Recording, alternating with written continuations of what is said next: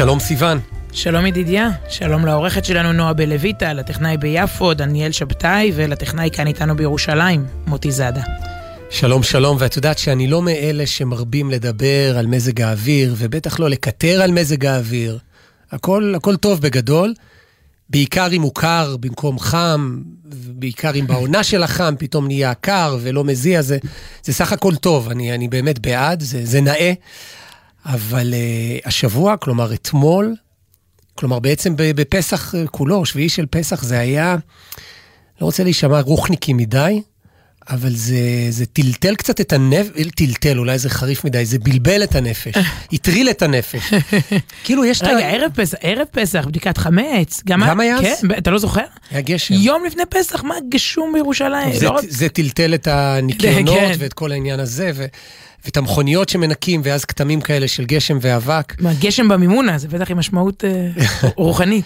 כן, אבל יש איזה, יש ריח שאתה מצפה לו אחרי פסח, גם בערב פסח, חג האביב וכולי, ו- ואחרי כאילו מתחיל הקיץ, ונפתח מין עידן כזה חדש בשנה, ולא היה את זה. היום קצת בסדר, המזג האוויר שב מזעפו. אבל כאילו יום אחרי פסח, שאתה מגיע ו- ומקבל את זה, זה באמת היה מטלטל, ובכלל החג הזה, וואי, נשמע ממש לעצמי קוטר, אבל הוא עבר לי מהר מדי בגלל ה... זו שאלה שאני הרבה שנים שואל את עצמי, בעצם כל שנה מחדש, איך, איך עדיף שיראה החג? זאת אומרת, אם היו נותנים לנו לשבץ את החול המועד, ביחס לשבת mm. ויום טוב, חג. וואי, שאלה טובה. האם אתה רוצה יותר אה, ימים שבהם אתה לא יכול לצאת מהבית? יותר לא חגים, יותר משמע. חגים? כן. בתוך החג? כן. מה זאת אומרת? אז השנה את מרוצה. כן, בול, ככה, חול המועד של יומיים, יום אחד שואלים לאן יוצאים לטייל ולא יוצאים, ביום השני אומרים, אה, אתמול היה גשם, זה ככה חומקים ממצוות הטיול בחג. והיתר שולחן משפחתי. ילדים, משפחה, סעודות, לקרוא, שקט, שלווה. אבל כאילו בגלל שבראש שלך יש, בכל אופן... אה, שבוע. כן, שבוע, זאת אומרת, איפה היה לי פה שבוע? רגע, היה, ליל הסדר היה ביום רביעי בלילה, נכון? אחרי זה חמישי היה חג, ואז הייתה שבת, אה? ונגמר, היה איזה יום, יומיים כאלה. אז יצאתי עם טעם של עוד, ועם ריח של עוד, וטוב. טוב, יש עוד דבר, משהו שמתחיל עכשיו ממש, אתה יודע, לא משנה מה מזג האוויר, לנפש שלך, הזכרת קודם את, ה, את הנפש, אז יש משהו שמתחיל ממש השבת הזו, תרופה מיוחדת, כל שנה, ולדעתי גם, לא רק שאני מרגישה את זה, אלא גם אומרת את זה כאן, זה מתאים יותר. משנה לשנה זה מחריף כמה אנחנו צריכים את התרופה הזו, תרופה ושמה פרקי אבות, oh. מסכת אבות. נסביר רגע, נפתח, נפתח חלון שנייה, נפתח כזה ויקיפדיה, כאילו הקלקנו, אה, מסכת אבות, אוקיי. נכון בליל הסדר שרנו שישה מי יודע? שישה מי יודע, שישה, אני יודע. כבר די נרדמת שם באחד מי יודע בסוף, נכון? אני עכשיו מתלבט רגע, שישה אבות לא, לא יושב לי טוב? אה, כן, כן שישה לא, סדרי משנה. אתה ישן, ואז קם לעוד איזה חצי שעה כזה, כן, בסביבות שתיים בלילה זה נכון. בליל הסדר, נכון? כן. אז שישה, אני אעדכן אותך, שישה סדרי משנה, אוקיי? כן. בתוכם, כן. בתוכם יש אה, מסכתות שונות, אחת מהן היא מסכת אבות. בתוך המשנה, המשנה, הטקסט העתיק הזה מכיל אה, מסכתות שונות, אחת מהן היא מסכת אבות שהיא מאוד מיוחדת, ולכן זו, זו העונה שבה לומדים אותה בשנה. היא עוסקת במידות, בדרך ארץ, בתיקון האישיות, בני... בשיפור, במוסר, באיך להתנהל בין אדם לחברו. למשל, מסכת ראש השנה עוסקת קצת יותר בהלכות ראש השנה, מסכת סוכה, אפשר לנחש, יותר תעזור לכם לבנות סוכה. מסכת אבות תבנה את האישיות שלכם, שלנו. ולוקחים כל שנה את התקופה הזו, תמיד אפשר ללמוד אותה וכמה שיותר, והיא מפורסמת, עוד מעט אני גם אוכיח למאזיננו שהם כבר למדו אותה. היא כבר, כבר מכירים אותה, רק, mm. רק שכחנו. הרבה מאוד מאוד, כן, הרבה ציטוטים ממנה כבר היו תלויים בפוליגל כזה, עוד, עוד יש פוליגל בגן, כן. זה בבית ספר, היה פוליגל, נכון. כותבים את עונות השנה, אני לא יודעת, כל מיני. אז... לא אמ, גילו שזה מסרטן או משהו, כן, כל החומרים שהיו כן, בילדותנו, אסבסט, כל חומרי הזה, כן, פוליגל. שתינו. אז אה, בקיצור, התקופה הזו בשנה היא בעצם בין פסח לבין שבועות, תקופת ספירת העומר שכבר החלה כל שנה, זה קצת מניסן ואייר ועד לקראת תחילת סיוון, אה, ספירת העומר. ולומדים בתקופה הזו נהוג בשבתות, אני חושבת שבכל העדות זה קצת שונה בכל עדה, אבל בוא כבר, אה, אנחנו פה. אה, כולם לומדים את מסכת אבות בתקופה הזו, כי היא מכינה אותנו לחג השבועות, פסח, בפסח יצאנו ממצרים, אבל צריך עוד להגיע להר סיני, בחג מתן השבועות, תורה. מתן תורה. ומה שנקרא דרך ארץ קדמה לתורה. כלומר, קודם כל ללמוד, ללמוד מידות, להיות בן אדם, להיות uh, מענץ' מה שנקרא, להכין את עצמך, לא, לא, ששת, לא שסתם יעבור הזמן בין פסח לשבועות, שהוא סתם יחלוף טכנית, אלא לנצל אותו, להיבנות ולהתכונן. מעניין, אני מימי הפוליגל מכיר הסבר אחר, שמתמקד יותר בזה שהתקופה הזאת של הקיץ, אחרי החורף, ההתכנסות וההסתגרות בבתים, בטח בעולם של פעם, אה, אז, אז עכשיו אנחנו יוצאים ויותר באים בקהל, יותר יחסים חברתיים אחד עם אה. השני, ולכן אה, יותר... אתה רוצה להוסיף גם את תלמידיו של רבי עקיבא, שבתקופה הזאת גם נפטרו, והסיבה לכך שהייתה מגפה בקרב תלמידי רבי עקיבא, הם לא נהגו כבוד זה בזה. רבי עקיבא, הרב, ש... הרב שלהם, אומר ש"ואהבת לרעך כמוך", זה כלל גדול בתורה, זה הוא אמר, אבל תלמידים, תלמידים קצת פחות, ו, וגם את זה מתקנים. טוב, בוא, בוא ניגש לדבר עצמו, עם כל הכבוד לכל ההסברים למה עושים. בוא נעשה את הדבר הזה. בשבת עצמה יפתחו את, את פרקי אבות, את מסכת אבות, בבתי הכנסת, בסעודות, בבתים, אז אנחנו עושים את זה גם, גם כאן. והנה כמה משפטים, שוב, מוכ, מוכרים, העניין זה ליישם אותם. עכשיו, דמיינו חברה שמושתתת על, על פרקי אבות, בתי ספר, מקומות עבודה, תקשורת, ש, ש, ש, ש, רשתות חברתיות, כבישים, בנקים שהם מתנהלים אה, לפי, ש, שזה ככה המצפן. אז נתחיל באיזה הוא חכם. חכם הייתי חושבת שזה מי שצבר הכי הרבה חוכמה, תארים, ידע. איזה הוא חכם? הלומד מכל אדם. אז יש פה מה, מה, מהפכה, ההגדרה של חוכמה היא, היא מה שנקרא לא מה שחשבתם. ככל שאתה לומד מיותר אנשים, לא מלמד, לא מה שכבר למדת. איזה הוא חכם הלומד מכל אדם. איזה הוא גיבור. שוב, אם נגיד לכם גיבור, תדמיינו מה, איזה סופרמן, איזה גיבור שירים, על. כן. בדיוק, גיבור, צריך להיות חזק, וזה, והוא עושה, והוא מוחץ את כולם. אז הגיבור קודם כל מוחץ את, את היצר הרע שלו. איזה הוא גיבור הכובש את יצרו. זו הגדרה ש... שוב, ככל שחולפות השנים וגם מתפוצצות הפרשיות המביכות, אתה מבין שגבורה אמיתית זה, זה שליטה עצמית בכלל. לפני שאתה שולט בכל העולם, הלו, תשלוט בעצמך. איזה הוא עשיר? לא קשור לחשבון בנק. Hmm. כשחז"ל נפגשים לבדוק עשיר, איזה הוא השיר השמח בחלקו. שוב, אפשר להגיד את זה בגן, ככה, על הפוליגל, אבל אפשר רגע לחשוב מה זה אומר שאושר זה בעצם להיות שמח בחלקי, בחלק שלי. ההבנה שתמיד יהיה לי רק חלק גם. שמח בחלקו. תמיד זה יהיה חלקי. איזה הוא מכובד, שוב, הייתי אומרת עם, עם מאבטחים, עם דיסטנס, עם מזכירה ועוזר אישי, וכולו מאחורי הקלעים, איזה הוא מכובד. המכבד את הבריות. ככל שאתה יותר מכבד אחרים, אתה יותר מכובד. זה שוב מהפכה אה, מוחלטת ב... אתה יודע. טוב, אה, אמור מעט ועשה הרבה. אם אין אני לי מי לי. כן. שוב, כל דבר כזה, זה מרוב שהוא חרוז. אם אתה לא תקום ותעשה, אף אחד לא יעשה במקומך. אם אין אני לי מי לי. וכשאני לעצמי, מה אני? כלומר, אחרי שאתה כבר קם ועושה, לא רק לעצמך, רק כשאני רק לעצמי, אז מה אני, מה אני שווה אם אני לא נותן לכלל? ושאלת הטיימינג, התזמון, ואם לא עכשיו, אי מתי? טוב, אולי נסיים בסייג לחוכמה שתיקה, ונשתוק, ונשתוק קצת. אבל באמת, אה, רק טעימה מעוד הרבה הרבה... אבל עד כדי כך את נזהרת מפרסומת? זאת אומרת, שאת כאילו מדברת על פרקי אבות אובייקטיבית, את צריכה לפחות לעשות גילוי נאות. אה. את יודעת, להגיד אה. שאם מדברים על פרקי אבות, אז כתבתי ספר, כלומר, את כתבת ספר ממש שיצא בימים אלה, שבעצם מנגיש את פרקי אבות. לצעירים, למשפחה, זאת אומרת, בעקבות פרקי אבות, את לא מפרשת את פרקי אבות, אלא מביאה סיפורים. סיפורים שמתכתבים במשניות. כתוב פרקי אבות, שווק עצמך בצנעה, ואתה יודע, אבל נכון, זה מתוך אהבה, באמת אהבה גדולה לטקסט הזה. זה, יש בו, אני חושבת שזה אוצרות, כלומר, אם, אם מנגבים את האבק, שוב, אני אגיד לך את המשפט הכי, אם אין אני לי מילי, זה משהו כזה שאתה יודע להשלים ולא חושב על משמעותו. זה קורה לפעמים גם עם מילים, עם ברכות בתפילה, עם כל מיני דברים שלא... אתה יודע, אומרים האוצר תמיד נמצא, האוצר הוא כבר אצלך פנימה. יש כל כך הרבה אוצרות שכבר קיימים, רק, רק לנגב את האבק ולראות כמה הם נוצצים ורלוונטיים ועוזרים להרבה מאוד בעיות שאנחנו מתמודדים איתן. היום, אתה יודע, איך לנהל דיון ציבורי, איך בכלל לחיות ביחד, איך להתייחס לזולת, אם אני מסכים איתו, לא מסכים איתו וכולי.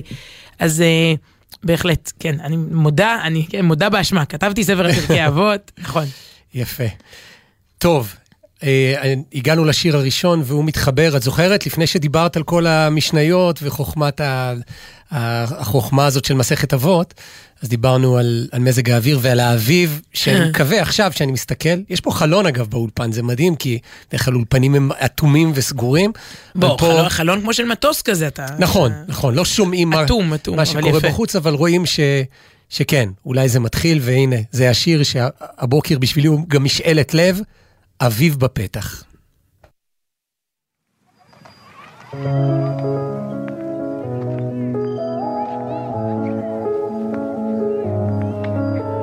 קור העיר שלא עוזב, חודר ללב, ובחוץ שלכת, נופלת בחצר, את החלון סוגר, אמא מתפללת.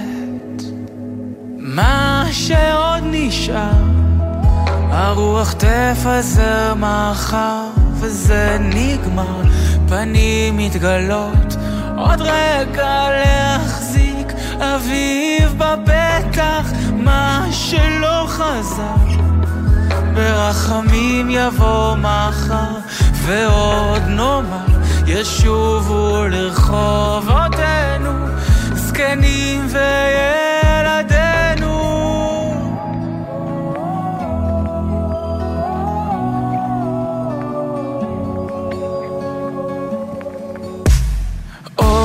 מגיע לפעמים דרך הגשמים שיורדים בחורף. עכשיו כבר קצת חמים, השמש בהרים, תראה את האופק. מה שעוד נשאר, הרוח תפזר מחר, וזה נגמר, פנים מתגלות, עוד רגע להחזיק, אביב ברחמים יבוא מחר, ועוד נאמר, ישובו לרחובותינו, זקנים וילדינו.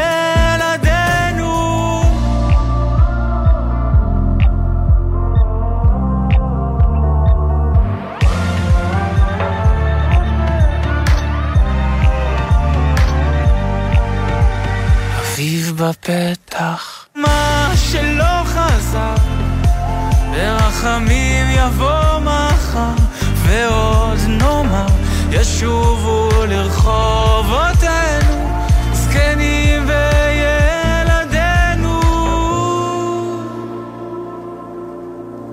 סוף לא כמו שקצת חולמים, איך הכי מתאים שילך החושך. פתאום זה החיים, אנחנו מתהלכים לאט. לבוקר. דוד בן ארזה, אביב בפתח, הלוואי. הילדים הרי הטרילו אותך בחג, כשבעוד הגשם נוקש ממש, שומעים אותו נוקש, רעמים, היו סופות רעמים בלילות. אז הם שרו לך שמחה רבה, שמחה רבה, אביב הגיע פסח בא. כן. אז הלוואי. אנחנו מנסים לפנות בשידור חי לראש דסק התרבות, ענבל גזית, בהלווייתו של מאיר שלו, ש... הסתיימה לפני זמן קצר. ענבל, אנחנו איתך. שלום סיוון, שלום ידידיה. זה מצחיק שאת מדברת על אביב, שהרי מה מתאים יותר למאיר שלו מאשר האביב בעמק יזרעאל? זה הדבר. ובאמת, אני, אני אוהבת להדגיש את זה, כי אני בת העמק, וכשמדברים על בית עלמין במקום כלשהו, חושבים על נהלה, על המושב השטוח בעומקו של העמק, אבל בית העלמין נמצא בעצם על צל ההר שמשקיפה. על המושב ועל העמק, וזה בעיניי מקום, זה כתוב, אתם יודעים טוב ממני את הציטוט, מעפר ואל עפר, וזה מה שקרה כאן עם מאיר שלו, ממש חזר אל רגבי האדמה, מהם כמעט יצא. הוא מעניין, והרבה דובר לאורך השנים גם על הפוליטיקה של האיש, הוא לא התכחש לצד הדתי, האמוני, הטקסטים היהודיים היו חלק בלתי נפרד אה, מהחיים שלו, עד כדי כך שהוא ביקש, ובמפורש הדבר נאמר, הוא יכול היה להתכונן אה, אה, ללוויה הזו מפני שהאבחון שלו במחלה, בסרטן, הגיע כך שהוא לקח על עצמו את הדרך הזו של תכנון סוף החיים, והוא ביקש לוויה שהיא אורתודוקסית, יזרעאלית, נהללית. כלומר, נאמרו פה כל הטקסטים המקובלים לצד שירים של... של אביב, של עמיחי, זאת אומרת, האיש היה איש שפה עד הרגע האחרון, וגם, אני אוסיף, control freak, כן, הוא אוהב לשלוט במה שהתרחש. סיפרה כאן בתו זוהר, שהם פתחו מסמך משותף.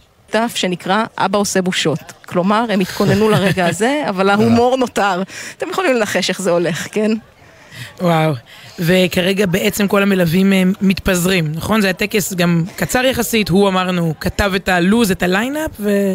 וכל אוהבה הגדיר מי ופזרים ידבר, הביתה. הגד- הדרמט הגדיר מי ידבר, היו כאן בני משפחה שדיברו, ילדיו, אה, זוגתו, אה, הוא ביקש מאתגר קרת לקרוא כמה מילים, אה, אחיו, כרמית גיא קראה כמה טקסטים, בזאת זה נגמר, זה היה באמת, זה היה טקס קצר מאוד, עכשיו מניחים את הזרים.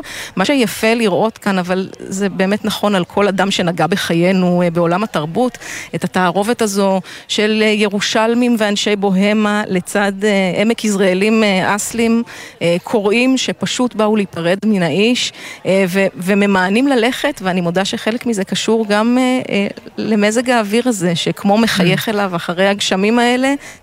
והעמק שמתחיל להצהיב באביב הזה, וזה הכל מסתדר עם כל מה שהוא כתב אי פעם. וואו, ענבל גזית נעלה על הלווייתו של מאיר שלו, תודה רבה לך, שבת שלום, תודה. שבת שלום. שבת שלום ובשמחות, ואנשים, גם לא רק מזג האוויר, זה אחד המקומות היפים בארץ. את זוכרת על צל ההר משקיף כן. מלמטה, ואת זוכרת, אתה אומר, זה, זה מקום לא, לא לבית עלמין, זה, זה מקום ו- לפרויקט נדל"ן אולי. והחי ייתן אל ליבו. ממש, לא. ש- לא, אני זוכרת, זוכרת. וחוץ מזה, גם הדמויות ש, שקבורות שם, מי אתה, מעניין, טוב, כל, כל בית קברות הוא מעניין, אבל המצבות, ה- אותך, יקירי. אה, ו, ו, טוב, אני אלך על התקופה הקרובה יותר, אגב, לא צריך ללכת למשפחת דיין ושמואל דיין ו, וכולי.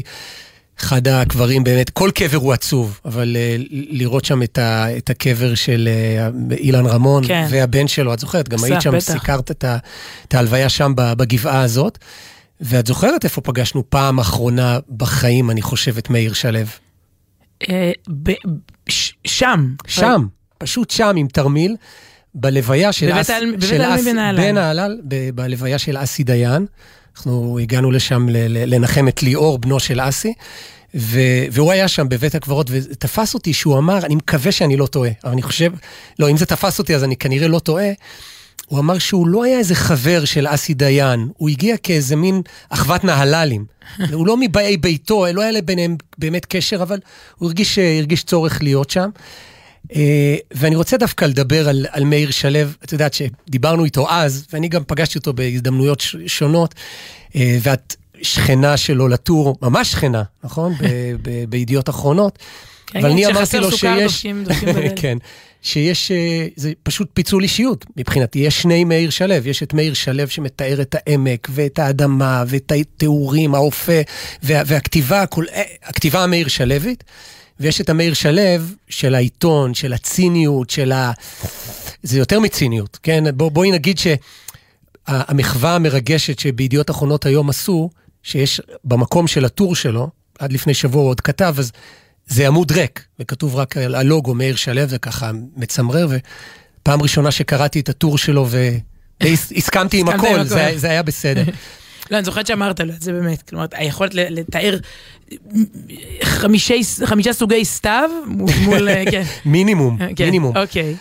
אבל לפני כמה ימים, ודיברנו על זה קצת בתוכנית פה, את זוכרת שאת נמצאת במחסן של ידיעות ספרים, חותמת על הספר ההוא על פרקי אבות, ואני צולל שם ומחפש אה, ספרים שעומדים במחסן, וראיתי ערימת ספרים, הנה הבאתי את זה לפה. אה, אה, כן, רוצה לשים את זה, אתה מדבר מדי בעדינות. אתה ממלא את ביתנו בעוד ספרים מיותרים.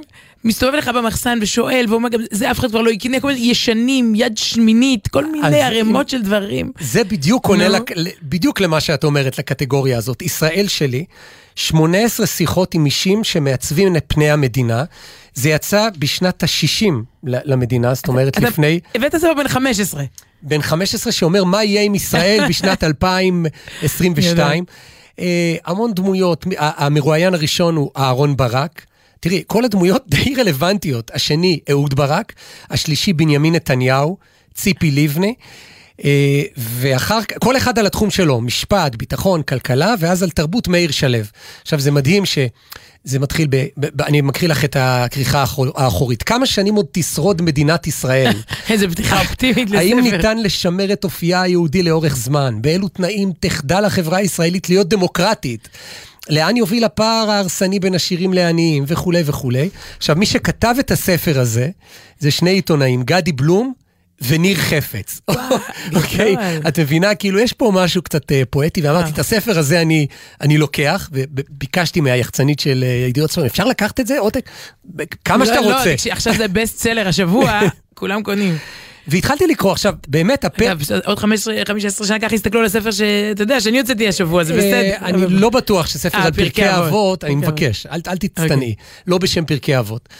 אבל באמת הפרק ש- שתפס אותי יותר מהרבה פרקים אחרים, זה רגע, להגיד להגיד את המשפט שאמרת לי באוטו, על- כשרבנו על הספר הזה? אם להביא אותו הביתה או לא. כן, לא, אמרתי לך, מה, מה, הספר, ישראל בת 60, למה זה רלוונטי, מי מי זה רלוונטי? עכשיו, זה- זה- לא אכפת לי על הספר הזה, אכפת לי על החמישה שלפניו, החמישה שאחריו, על- על המנגנון אה, הגרנות הזאת. ואז אמרת, לכי תדעי מי ימות. נכון, אבל לא חשבתי על מאיר שלו.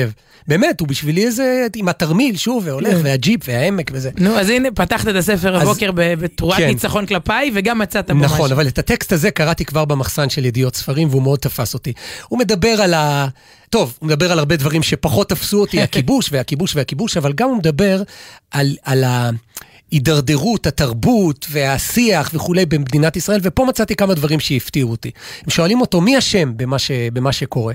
הוא אומר, אני רואה כמה אשמים. האשם האחד הוא אשם אובייקטיבי, שפועל בכל העולם המערבי וקשה מאוד להתחרות בו. ואני מתכוון לערוצים הנוספים של התעסוקה הבידורית ושל הפנאי, של התעסקות בידורית, האינטרנט, הטלוויזיה, העיתונות למיניה, האלקטרונית והמודפסת.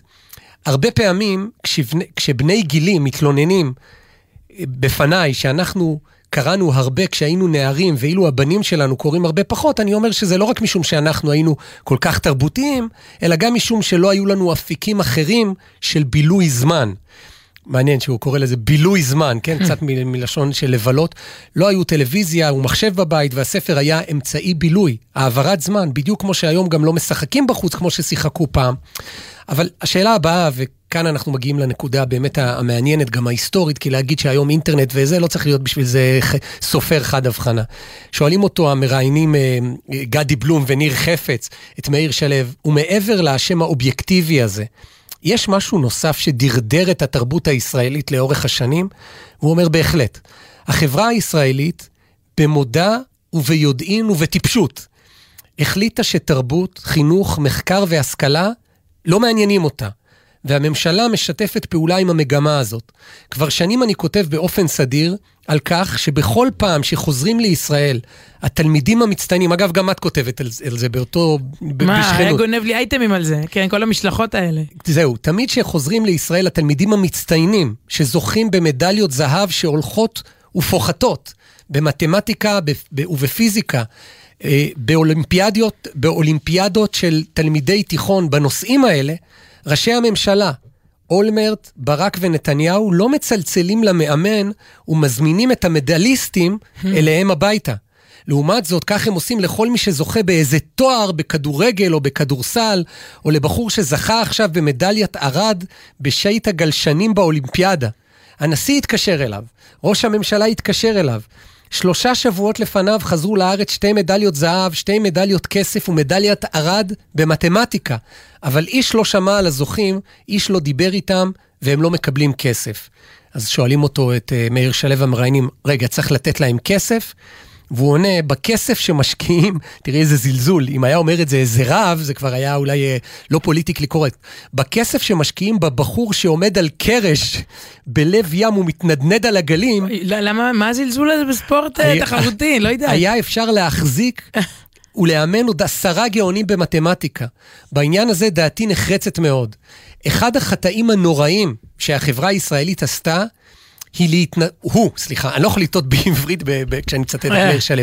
הוא אה, להתנתק ממסורת יהודית ארוכה ומוכחת של העלאת התלמיד, המורה, החוקר וההשכלה בכלל על ראש שאיפותינו.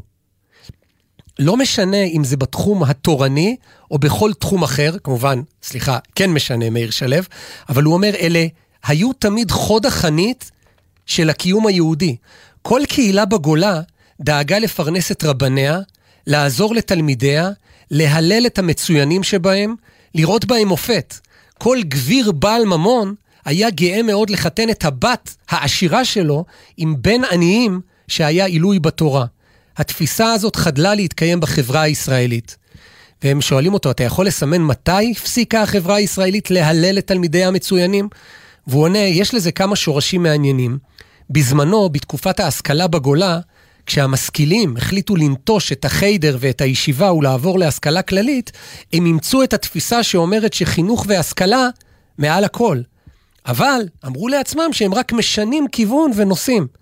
מאוחר יותר, בראשית הציונות, בעיקר בתקופת העלייה השנייה והשלישית, התחילו להישמע דיבורים בזכות הנוער הבריא, החייל, הלוחם, שיבחו את העבודה העברית ודחקו לשוליים את המשכילים.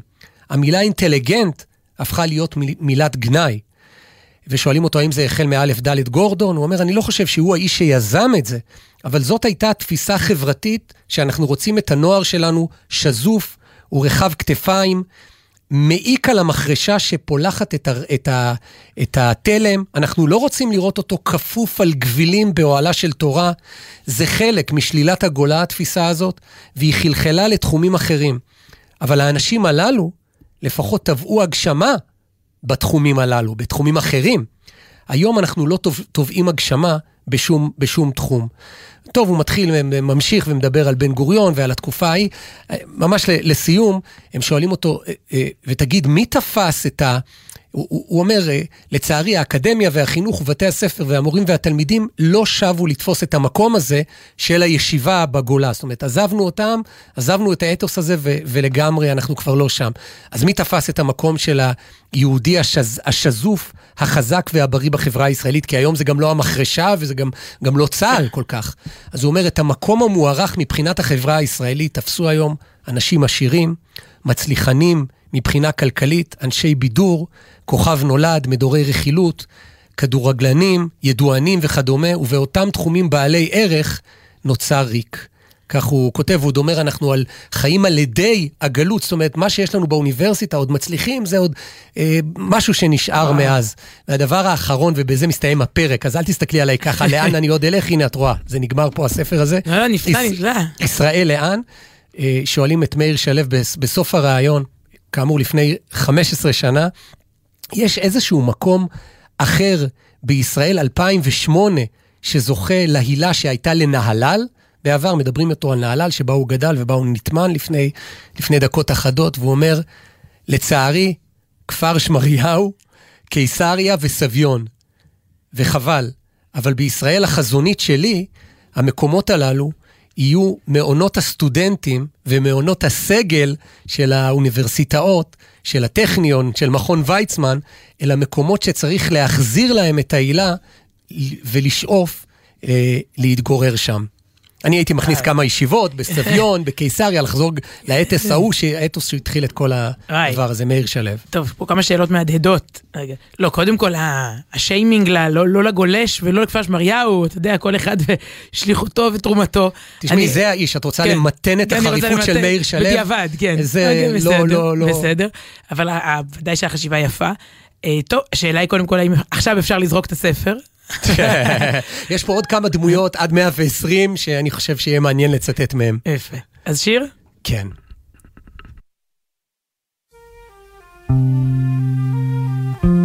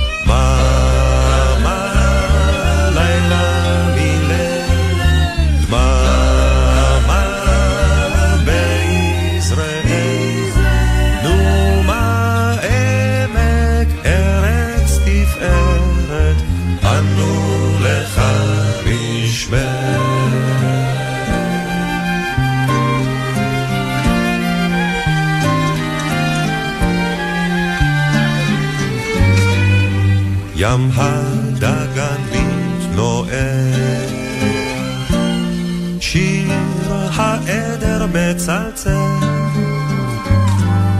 זוהי ארצי ושדותיה, זהו עמק יזרעאל. תבורך ארצי ותהולי, מבית אלפא עד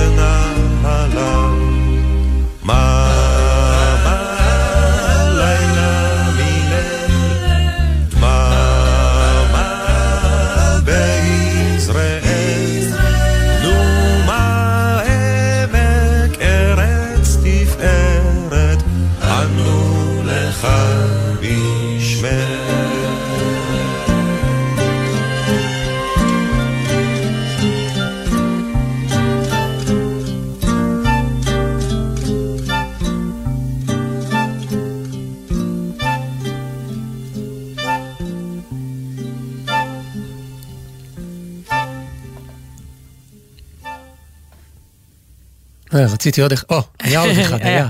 אבל רק מי שיושב עם אוזניות כמונו באולפן שומע את זה באוטו עם הילדים פחות. רוב האנשים באוטו כבר זהו, חצי מהגנים חזרו, לא, בתי ספר, הסעות, אנשים, זאת לא, עוד לא שגרה רגילה. לא כל מאזיננו שומעים אותנו במקום הרגיל שלהם ביום שישי, זאת ככה עוד חצי הפוך. אמ, ביום, באיזה יום יצא חג רביעי, בין רביעי לחמישי בלילה, אה, לא ישנתי הרבה, ישבתי לתוך הלילה על אה, שלושת אה, נאומיו של אה, ליאו די, אה, האיש, כמו שהוא אומר, התחלנו את חג הפסח משפחה של שבעה, סיימנו אותה משפחה של ארבעה, איבד את אה, אשתו, אה, לאה, לוסי, ואת הילדות מאיה ורינה בפיגוע הקשה בבקעת הירדן. הוא דיבר שלוש פעמים השבוע, ובגלל שהיה חג, שמתי את זה ככה בצד, אתה יודע, וזה גם הספדים ארוכים מאוד ובאנגלית מאוד, יש לו אנגלית בריטית, מ- מושלמת. ושמתי לי לינקים, אמרתי, אני רוצה לשמוע ודאי מה שיש לו לומר, אבל פסח, חג, אתה יודע, פה, שם, בין המצות לשבת חג, שבת חג.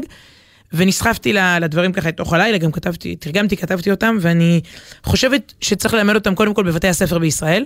אולי בשיעורי אנגלית, אתה יודע, זה יחבר את כל הדברים שהקראת ממאיר שלו, גם אנגלית וגם רוח, כי האיש גם נותן באמת נאומי, אפשר להגיד מכוננים, ואתה יודע, אפשר, אפשר ללמוד, אה, ללמוד אותם גם לאנגלית וגם גם לנפש, ואולי לכן בגלל החג ובגלל האנגלית לא היינו מספיק אה, קשובים להם, וגם כי יש פה מה שנקרא ריבוי, כלומר שלוש פעמים אדם ניגש ונותן משהו שהוא מאוד מאוד מהותי, אה, יש פה המון המון מסרים, אני רוצה את, את העיקריים שבהם, לפחות, לפחות בעיניי, ככה להקריא.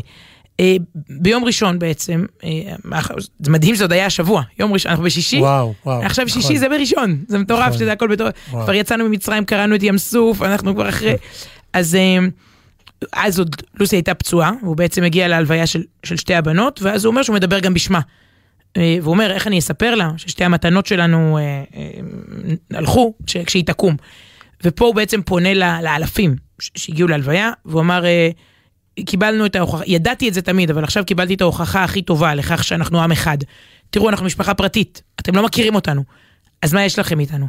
זה כואב לכם, כי אנחנו חלק מאותו עם, חלק מדבר אחד. והוא אמר, שואלים אותי הרבה על, על אמונה. והוא אומר, אני מקשיב שנים שנים באינטרנט לשיעורים של הרב אה, אפרם גולדברג. שזה לא אפרים, אפרם. כאילו, כשהוא אמר את זה, גם קפצתי, אני מאוד, מאוד לא מוכר בארץ, רב מבוקה רטון מארצות הברית, אני ממש אה, מאוד מאוד מאוד אוהב את השיעורים שלו. את היותר קצרים ושטחיים, הוא שומע את השיעורים על אמונה. והוא אומר, אני שנים שאני מקשיב לו. יש והוא- לו, יש לו פודקאסט שנקרא Behind the Bima, נכון? כן. משהו לפני, לפני, הב- מה, כאילו, כן, מאחורי בימה- הבמה. נכון. הוא בעצם, הוא כאילו רב בית כנסת, אחד הגדולים, מהידועים בעולם, אבל הוא כאילו זה behind the beam, מאחורי הקלעים, והרב מביא אנשים ומראיין אותם בצורה מאוד מאוד מגניבה. אני התארחתי אצלם פעם, זה פודקאסט, יש לו, יש לו האזנות פסיכיות בעולם, ויש לו גם את ה... אה, Friday into ערב שבס, לעשות את יום שישי לערב שבת, יש לו משהו כזה שאתה בשישי בבוקר בכמה דקות מצטרף, הוא כאילו מכניס אותך מיום שישי בבוקר כבר, אתה יודע, מי שטרח בערב שבת, מכניס אותך לאווירה של שבת ככה בכמה דקות, מתחברים לזה. מכל העולם, מין, באמת הרבה סטארט-אפים יפים, אבל אלה השיעורים כנראה יותר רציניים. עומד אה, ליאו די פה בישראל ואומר, שנים אני מקשיב לשיעורים שלו בנושא אמונה, והנה אני, אני מיישם. כי למדתי שמול משברים ומול ניסיונות ומול שאלות, הוא תמיד חוזר על כך שיש פורמולה אחת. תמיד תתמקד במה שיש לך ולא במה שאין לך. זה נשמע שטחי, הוא אומר, אבל עכשיו אני, אני מיישם. יש לי שלושה ילדים, ואז הוא מצביע. קרן, טלי, יהודה, ויש לי אישה נפלאה. בעצם אומר, אה, מה יש? זה, זה תמצית, שוב, נתן שם הספד ארוך ו- ו- ו- ומרגש, ואז ביום שני, אה, אחר הצהריים, יום אחרי בעצם, יצאה הודעה עצובה, ככה לעיתונות, מהדסה עין כרם. לפעמים יש הודעות שאתה רואה שהדובר לא רוצה להוציא, ממש ככה, אה, מרגישים, ב- זה כולה הודעת וואטסאפ, אבל, אבל מרגישים. דובר לא אה, רוצה להוציא והקהל לא רוצה ואתה לשמוע. לא רוצה לקרוא, ואתה לא, לא רוצה, כן. לא רוצה את זה, ושם בעצם כותבים לך שלוסי לוסי נפטרה, וכל התקשורת מחפשת את, את ליאו, הוא התייצב אה, במשרדים של המועצה באפרת, לתת הצהרה, וכאן זה היה סוג של, הייתי כמעט אומרת, נאום הסברה. אם הקודם היה הספד פנימי יהו- יהודי מאוד, אז זה לעולם. הוא דיבר לתקשורת בחו"ל, הוא דיבר החוצה. והוא דיבר על ישראל מול הטרור, ואמר דברים כל כך פשוטים, לנו זה כל כך פשוט, כאילו. אמ, הוא אמר, לוסי ואני מנסים לחנך את ילדינו היטב, לבנות עולם יותר טוב. לעומת זאת, הטרוריסט הזה עם הקלצ'ניקוב, מה, מה הוא השיג? ניצחון זמני? מה העתיד שלו? מה תרומתו? האם הוא מבלה זמן עם הילדים שלו? הוא מלמד אותם ערכים? אולי הוא ילד בעצמו, ילד שהוא תוצר של תרבות שלא יודעת להבחין בין טוב לרע. ואז הוא אומר, דמיינו ילדה על חוף הים, שבונה ארמון בחול. תדמיינו, כן, דמיין, ילדה, היא בונה ארמון. ילד מגיע ובועט בארמון. ואז מגיע איש מבוגר ואומר לאימא של הילדה, הילדה שלך אשמה, כי היא בנתה מלכתחילה את הארמון. ומגיע עוד מבוגר נוסף ועוד אחד, למה הילדה שלך בנתה ארמון? ואז הוא ככה צועק, ככה התקשורת העולמית מתייחסת לישראל. אנחנו בונים, הם הורסים. אנחנו חיים, הם רוצחים. ואז אתם אומרים לנו שזה אשמתנו, כי אנחנו בונים מלכתחילה. ואז הוא אומר כזה, תקשורת עולמית, האם השתגענו? או שאנחנו עדיין מסוגלים להבחין בין טוב לרע. ישראל זה טוב. יפה שהוא פונה רק לתקשורת העולמית, כי כן. התקשורת אצלנו היא ממש זה- יודעת להבחין בין טוב לרע. אוקיי, בתחומים אחרים. בוא נגיד שאנחנו עדיין יודעים להגיד שזה מחבל וזה כן, פיגוע, ומשפחת די בצד של הטובים, ולא רוצחים שתי בנות שיוצאות לטיול בצפון. ופה הוא זועק ככה, אומר, תבינו רגע, ישראל זה טוב, טרור זה רע. דגל ישראל מסמל 75 שנים של טוב, של בנייה. זה הארמון שלנו. ואז הגיעה הבקשה שלו למלא את הרשתות בדגלי ישראל, בקשה שנענתה בגדול, ממש. אה, פתאום ראיתי כמה זה היה חשוב לו אישית, הוא ממש ביקש, אתה יודע, כתבו ברשתות מבקשים, תמיד המשפחות מבקשות המון דברים, ומרוב יוזמות הנצחה אתה כבר לא, אתה יודע, אתה הופך עליו וכותב זה ואתה זה, והכל, באמת, הכל מקסים ומרגש, אבל ראיתי כמה זה ממש היה לו חשוב אישית. אה, למחרת, אה, הוא אמר, בהלוויה של לוסי, הוא אמר שכשהוא לא נרדם בלילה, אז הוא עבר, עבר על הפיד, וכל דגל שימח אותו. וואו. אז אתה אומר, הרגשת כזה... בכל אופן, אה, הנאום השלישי הוא הארוך וה, והכואב מכולם. למחרת בעצם הוא מגיע שוב לאותו בית עלמין. והוא אמר, אה, לוסי, אה, את היית החברה הכי טובה שלי, ואת חיכית עוד יום כדי שנוכל להספיד אותך כראוי, ולתת לנשמה שלך את הכבוד שמגיע לה בנפרד. זה תפיסת עולם, אתה יודע, כולנו שאלנו, שאלנו מה, למה, יום אחרי, מה... ולא, הוא אומר לא, זה בנפרד, זה את אישיות נפרדת. וואו. והוא סיפר חצי שעה. כלומר, למי ש... ואי אפשר כל כך להריץ על מהר, זה, זה, זה בריטית כזאת, אולי בריטים יכולים להריץ על מהר. חצי שעה של... הוא סיפר איך הם הכירו באוקספורד, ומשם, בחג השבועות, היה אירוע לסטודנטים היהודים באוקספורד, וואו. ומשם בעצם הוא משתף בתובנות חיים אה, כזוג, כמשפ... משם הם ביחד, זה, זה ביחד. אה, אז למשל הוא אומר, אה, בסוף הקורונה אה, עברנו, עשינו איזו חשיבה על החיים והחלטנו שנעבור לעבוד רק ארבעה ימים בשבוע. ונצא, בכל יום חמישי נצא לטייל ביחד. וכך עשינו, כל יום חמישי בשנתיים וחצי האחרונות. לפעמים הוא אומר, אני הרגשתי רגשות אשם, ובימי חמישי אחר הצהריים חזרתי הביתה ועבדתי. ועכשיו אני מצטער שלא יצאתי איתך לטייל בכל יום ראשון, שני, שלישי ורביעי. סתם, אבל אתה לומד מי זה אנשים, אחרי הקורונה כולנו אמרנו הרבה דברים, כן. הרבה מאוד דברים. הם באמת קיבלו איזושהי החלטה של איזון. האם רבנו? הוא אומר שם, בהלוויה. בטח שרבנו. רצינו שהילדים ידעו שזה טבעי, שזה חלק מהחיים. רצינו שהם לא יישברו בעצמם אחרי הריב הראשון שלהם במשפחה שהם יקימו. אבל תמיד הקפדנו להשלים לפני שהלכנו לישון. הוא מספר על אה, אה, יום שני שהוא היה שם בהדסה עין כרם בעצם כשהיא נפטרה, והוא יוצא, אה, מותיר אחריו את, את אשת נעוריו, והוא, והוא אומר, יצאתי וראיתי זוג צעיר ליד המעלית עם ילדים קטנים שרבים וצורכים. ראיתי איך ההורים נבוכים וכועסים עליהם. פשוט רציתי לעצור, להניח יד ולהגיד, תהנו מכל רגע. אי אפשר לדעת מה יקרה מחר. זה הדבר הראשון שהוא רואה בעצם, אחרי פטירתה של לוסי, וזו ההתבוננות שלו. ואז הוא אמר, אני מנסה לנחש מה לוסי הייתה אומרת לכם. ונתן רצף של אמירות שלה. למשל, הכלל חמש על חמש. אם עוד חמש שנים, זה המבחן, אם עוד חמש שנים העניין הזה לא ישנה לכם, אז לא מגיע לזה יותר מחמש דקות מזמנכם היום. אין צורך לכעוס יותר מדי. עוד פעם, תסתכלו על משהו, קחו עכשיו, כל אחד יכול לקחת אני משהו. מדמיין איך עכשיו, אנשים חייהם משתנים, או לפחות משתחררים מדברים. עכשיו מישהי עצבנית על. בעלה שמביא ספרים, לא יודעת מה, נו, סתם לא דווקא זה לי דוגמה. רלוונטי לעוד חמש שנים, מה? קרה לך? אה, הספרים. שזה ימשיך להעמיס זה לי על עולה, הבית. בטח, ודאי. אוקיי, זה יחמיר. אני עכשיו עוד דוגמה אחרת. כן. אם, תחשבו שנייה, משהו שמטריד אתכם. אם עוד חמש שנים זה לא משנה, אז לא מגיע לזה יותר מחמש דקות היום.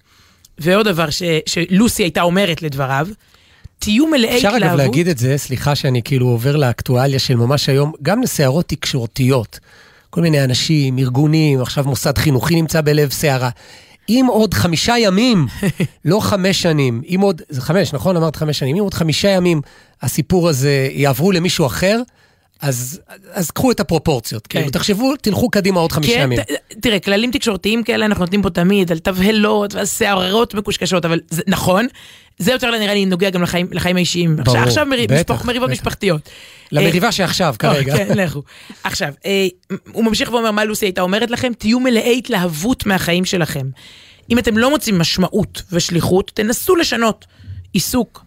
ההוראה הראשונה בספר היהודי הבסיסי שולחן ערוך היא התגבר כארי לעמוד בבוקר לעבודת בוראו. התגבר כארי. איך לקום כמו אריה, לקפוץ מה, מהמיטה? איך זה אפשרי? צריך להתלהב מהחיים, לעשות משהו שממלא אותך. ואגב, מהעדויות על אה, לוסי, שהייתה באמת גם מורה לאנגלית והיא ניהלה אין ספור פרויקטים חינוכיים, אז ניכר שהיא בהחלט קמה כארי או, או כלביאה כל, כל בוקר. את הרעיון הזה אני שומע, שמעתי ממך כבר, לא, לא שמרת לי את זה לשידור, אמרת לי את זה בחיים, והוא בעיניי ממש משנה תודעה. כי המשפט הזה הוא מאוד מפורסם, זו באמת ההלכה הראשונה בשולחן ערוך. ואני זוכר ששנים אמרתי לעצמי, טוב, היום יש לי, אני, אני נאלץ לקום, אני שמח לקום מוקדם כי יש לי תוכנית רדיו ואני חייב לקום מוקדם, אבל אמרתי, וואו, איזה באסה, כבר את ההלכה הראשונה בשולחן ערוך, אני לא יודע אם אני יכול לקיים. היי. לשמור שבת זה כיף, אני יודע מה, להניח תפילין, כל מיני מצוות ב- ב- ב- בשמחה, אבל להתגבר כארי, לעמוד בבוקר, אבל אני אוהב תפוך, איך אני אצא מהמיטה כארי? ובעצם מה שהוא אומר פה, זה, זה באמת הבחנת עומק על ההלכה הכל כך מפורסמת הזאת. לצאת מהפוך אף אחד לא אוהב, אבל שיהיה לך בשביל מה לצאת מהפוך, ואז אתה ת- ת- תיפרד מהפוך. תראה, לא צריך להגזים, אני, אני תמיד אומרת לילדים, למה אתם לא קמים כל יום כמו לטיול שנתי? נכון, ביום של טיול שנתי הם מאירים את השחר, הם מאירים אותי, הם, הם מוכנים. הם זה, הם זה, וביום רגיל זה נכון. לגרד מהמיטה עם שפכטל. אז בוא, החיים הם גם לקום כשלא, והחיים הם אפורים, לא כל יום אתה קם ל- לך נכון. לחתונה שלך, אבל, אבל, אוקיי, נכון. איך את יודעת איך קמתי לחתונה שלי? ליאו סיפר מה עוזר לו להירדם בלילה, ב- בימים האלה. הוא אמר שהרב יונתן זקס, אה, פעם אמר להם כזוג צעיר, זוג בריטי, צריך להגיד, הם, הם בנו את עצמם, אה, שניהם אה, כ- כבריטים, הפ- הפכו ליותר קשורים ליהדות, לציונות, עשו עלייה. אבל הרב זקס, אצל יהודי בריטניה ודאי שהוא, שהוא דמות והוא פעם פגש אותם, ואז הוא אמר להם, תשאלו את עצמכם בשולחן השבת שלוש שאלות, בסעודת השבת. איזה מעשה טוב עשית היום? איזה מעשה טוב מישהו עשה לך היום? מה אתה מרגיש שהשם נתן לך היום? וליאו אומר, זה מדהים, תנסו את זה בבית. כלומר, נסו, שוב, איזה מעשה טוב אתה עשית למישהו, איזה מעשה טוב מישהו עשה לך, ומה אתה מרגיש שהשם נתן לך היום, לעשות סבב כזה. ואז לוסי, אמר- ליאו אמר, אני אעשה את זה. אז מה אני עשיתי היום? אמר בלוויה. בלוויה, בלוויה. של ככה הוא- שתי הבנות שלו. כן, לא, של... זה, אה, אנחנו- זה של... של- זה כן, של- אחרי זה. זהו. זאת אומרת, של אשתו שנפטרה אחרי... ה- זה, זה ככה הוא כמעט מסיים. מה עשיתי היום? אני מספיד אותך, לוסי. מי עשה לי טוב? אתם כולכם. ומה השם נתן לי? הוא הביא אותי לחיות בארץ ישראל. והוא נתן לי כאלה מעגלי תמיכה. וקראתי אחר כך שכתבה האומנית המטפלת בת שבע סדן, היא כתבה ההספדים האלה לא נכתבו השבוע, הם נחצבו מקירות ליבו, בעשרות שנים של לימוד ועלייה וחינוך והתבוננות ועיצוב האישיות. עד כאן חלק משלושת הנאומים ש, שנישאו השבוע. וואו. אה, אחרי כזה דבר, מה, מה יש עוד להוסיף? אבל יש מה להוסיף, כי משפחת אה, די לא ישבה שבעה בעצם. אחרי שנרצחו שתי הבנות הם לא ישבו שבעה, וגם לא אחרי שלוסי נרצחה ונפטרה מפצעיה, אלא רק ממוצאי החג, ממוצאי שביעי של פסח. וכי, כי לא יושבים שבעה, אין אבל, ב, אין אבלות בחג. וקראתי השבוע, שלח לנו את זה תושב אפרת, אני לא מוצא את השם שלו, רגע, אני עוד מעט אזכר, אה, אני חושב ששי סמואל. אה, יובל סמואל. יובל סמואל. אה, הוא, הוא, הוא מספר על התפילות שם בבית הכנסת שלהם, השכונתי בשכונה, כשבעצם משפחת די נמצאת שם, ולואי מגיע לתפילה, כשבשבעה מתפללים בבית, אבל כשאתה לא באבל, כשהוא לא באבל, לא יושב שבעה, הוא באבל ענק ונורא ובלתי נתפס, אבל הוא מגיע, הוא יוצא מביתו לבית הכנסת. הוא מתאר ככה את התפילה שם באפרת. מז... מגיעים להלל, שזה פסוקי הודיה מתהילים. שירה, שמחה. שרים, בדרך כלל בבית בחג. הכנסת, אה, בחג הפסח, והוא אומר, אה, אה, מרגישים את המתח שבין העצבות לשמחה. שליחי הציבור מתקשים למצוא את האיזון שמתאים לקהילה, זה מאוד קשה. בכלל, בכל התפילה החגיגית הזאת של, של חול המועד פסח. ואז מגיעים להלל. המזמור הראשון, הפרק הראשון של ההלל, לא שרים. טוב, אולי החזן לא מרגיש שמתאים להתחיל בשירה, אולי המזמור הבא. והמזמור השני, אפילו יותר קשור לפסח, בצאת ישראל ממצרים. יש על זה הרבה לחנים, הרבה שירים של בתי, בתי הכנסת. החזן לא שר. והלב מתחיל להרגיש את האבלות. אני מתחיל להבין ש... את הכלל שהאחרון אה, את, אה, אה, של חג הפסח, אנחנו כבר בכלל לא... את לא, ההלל האחרון. סליחה, את ההלל האחרון, לא הבנתי באמת מה, מה כתוב פה, את ההלל האחרון של חג הפסח כבר לא נשיר. עצב, כאב, דמעות של ממש. ואז באותו רגע, לאודי קם ממקומו, נע במהירות לכיוון החזן בבית הכנסת, מניח בעדינות את ידו על החזן, מחבק אותו ולוחש לו משהו באוזנו. החזן מסתכל עליו, ומיד פותח בשירה שמרוממת את הנפש לגובי מרומים. מה לך הים כי תנוס, בצאת ישראל ממצרים. ומכאן והלאה שר, שרנו ביחד את כל ההלל. מה אמר לו, לאודי, לחזן? ניגשתי אליו אחרי התפילה, ושאלתי אותו אם הוא מוכן לשתף אותי במה שאמר לו אה, ליאו.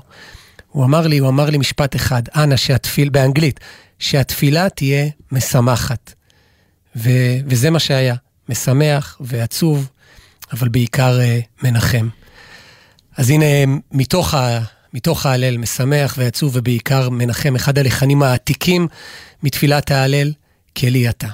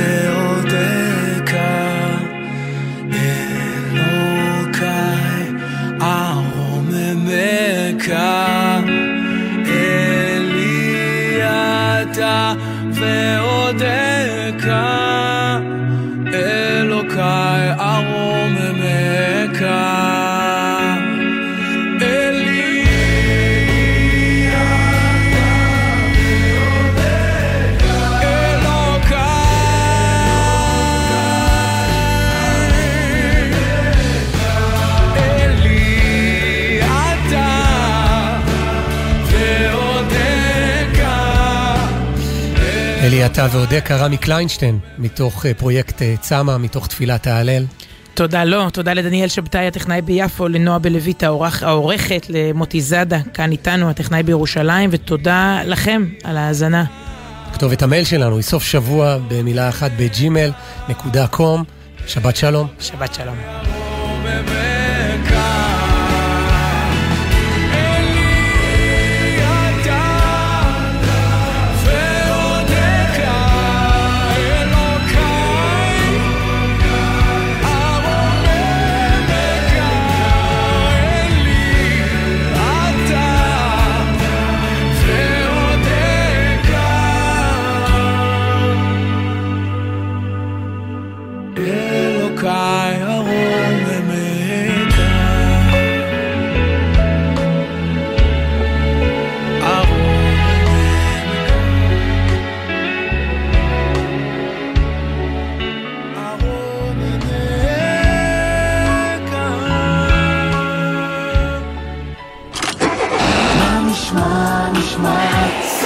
הזמן.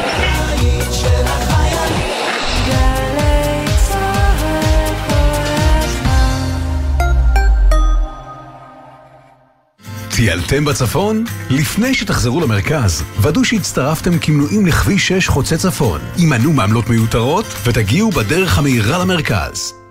בכביש, כמו בחיים, אנחנו תלויים זה בזה. אם נתחשב באחרים, נשמור על החיים של כולנו. נהגים, רוכבי אופנוע חולקים איתנו את הדרך. חפשו אותם במראות ובצידי הרכב, בעיקר לפני מעבר נתיב, כניסה לצומת, פנייה או עקיפה. כי כולנו מחויבים לאנשים שבדרך. עם הרלב"ד.